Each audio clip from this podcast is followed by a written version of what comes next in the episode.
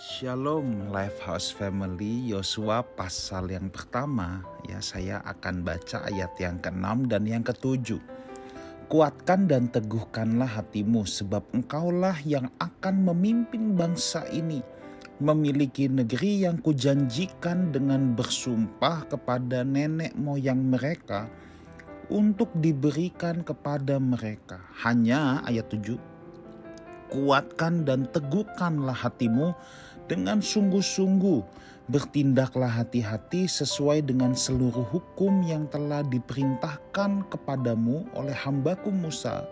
Janganlah menyimpang ke kanan atau ke kiri, supaya engkau beruntung ke mana pun engkau pergi. Saudaraku, kitab Yosua ini adalah kitab yang ditulis ketika bangsa Israel sudah mulai memasuki wilayah Kanaan, saudara. Tuhan memang menjanjikan bahwa Kanaan ini diberikan untuk orang Israel. Tetapi yang menarik di sini, saudaraku ya, yang menarik di sini, bangsa Israel tidak bisa hanya diam-diam saja. Mereka harus berperang untuk merebut negeri itu. Tuhan tidak memberikan kepada mereka secara gratis, secara cuma-cuma free. Mereka tidak bisa hanya duduk, bangun, tidur, makan, terus tiba-tiba dapat tanah. Enggak, mereka harus berperang, mereka harus berusaha, mereka harus berjuang. Mereka harus merebut tanah itu. Betul, tanah itu dikatakan sudah diberikan oleh Tuhan. Artinya apa loh? Kok sudah diberikan, tapi mereka harus berperang? Ya, ini sebenarnya sebuah gambaran tentang keselamatan, saudaraku. Ya. Keselamatan sudah diberikan melalui korban kematian Tuhan Yesus di atas kayu salib. And then what next? Apakah kita bisa hanya diam-diam saja, kita nggak mau ngapa-ngapain? Apakah kita mengerjakan keselamatan? Nah itu kan persoalannya saudara. Paulus berkata kerjakan keselamatan dengan takut dan gentar, dengan sungguh-sungguh, dengan serius ya mengerjakan keselamatan itu artinya apa? Ya kalau Tuhan tidak memberikan keselamatan itu kita mau mengerjakan gimana pun juga nggak bisa. Nah sama seperti bangsa Israel saudara. Kalau Tuhan tidak memberikan tanah kanaan itu untuk orang Israel dia mau perang sampai kapan pun dia tidak akan bisa.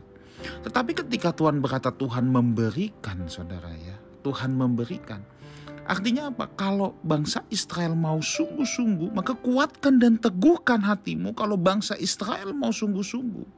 Ya, mereka tidak berjalan menyimpang kiri menyimpang kanan, mereka pasti akan memperoleh tanah Kanaan itu. Nah, ini kembali lagi korban keselamatan di atas kayu salib korban Tuhan Yesus di atas kayu salib itu telah memberikan sebuah jaminan kepastian untuk saudara dan saya. Asalkan saudara mau hidup seturut dengan firman Tuhan, Roh Kudus juga sudah diberikan menolong kita kepada seluruh kebenaran, ya.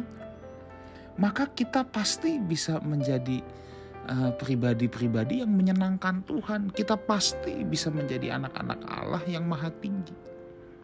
Nah sekarang masalahnya ada satu kata kunci yang sampai diulangi dua kali. Kuatkan dan teguhkanlah hatimu. Rupanya saudara, ya, penghalang terbesar bangsa Israel adalah hati mereka sendiri, diri mereka sendiri. Penghalang terbesar bangsa Israel itu bukan eh, orang-orang uh, yang mendiami tanah Kanaan, bangsa Moab dan lain sebagainya, bukan saudara.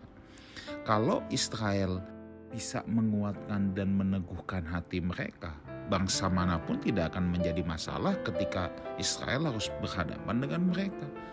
Nah, sama halnya dengan mengerjakan keselamatan ini. Rupanya tantangannya itu bukan ada pada dunia sekitar, bukan pada mamon, bukan pada apa-apa. Tantangannya adalah pada diri kita sendiri. Apakah kita menguatkan dan meneguhkan hati kita? Itu persoalannya, itu kuncinya. Nah, saya berdoa kita semua serius merenungkan kebenaran ini, kita menguatkan dan meneguhkan hati kita dengan sungguh-sungguh. Kita bertindak hati-hati. Kita nggak mau menyimpang kiri, menyimpang kanan. Saudara, kalau bangsa Israel mewarisi tanah kanaan dunia, kita akan mewarisi tanah kanaan surga. Tuhan Yesus menyertai kita semua. Amin.